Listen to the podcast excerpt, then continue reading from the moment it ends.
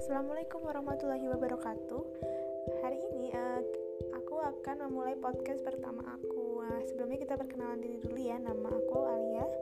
Dan hari ini dan di podcast ini aku insya Allah bakal sharing-sharing tentang uh, permasalahan-permasalahan dalam kehidupan dan kemudian juga hmm, berita-berita terkini mungkin pendapat dan opiniku dan hal-hal lainnya yang pastinya insya Allah seru.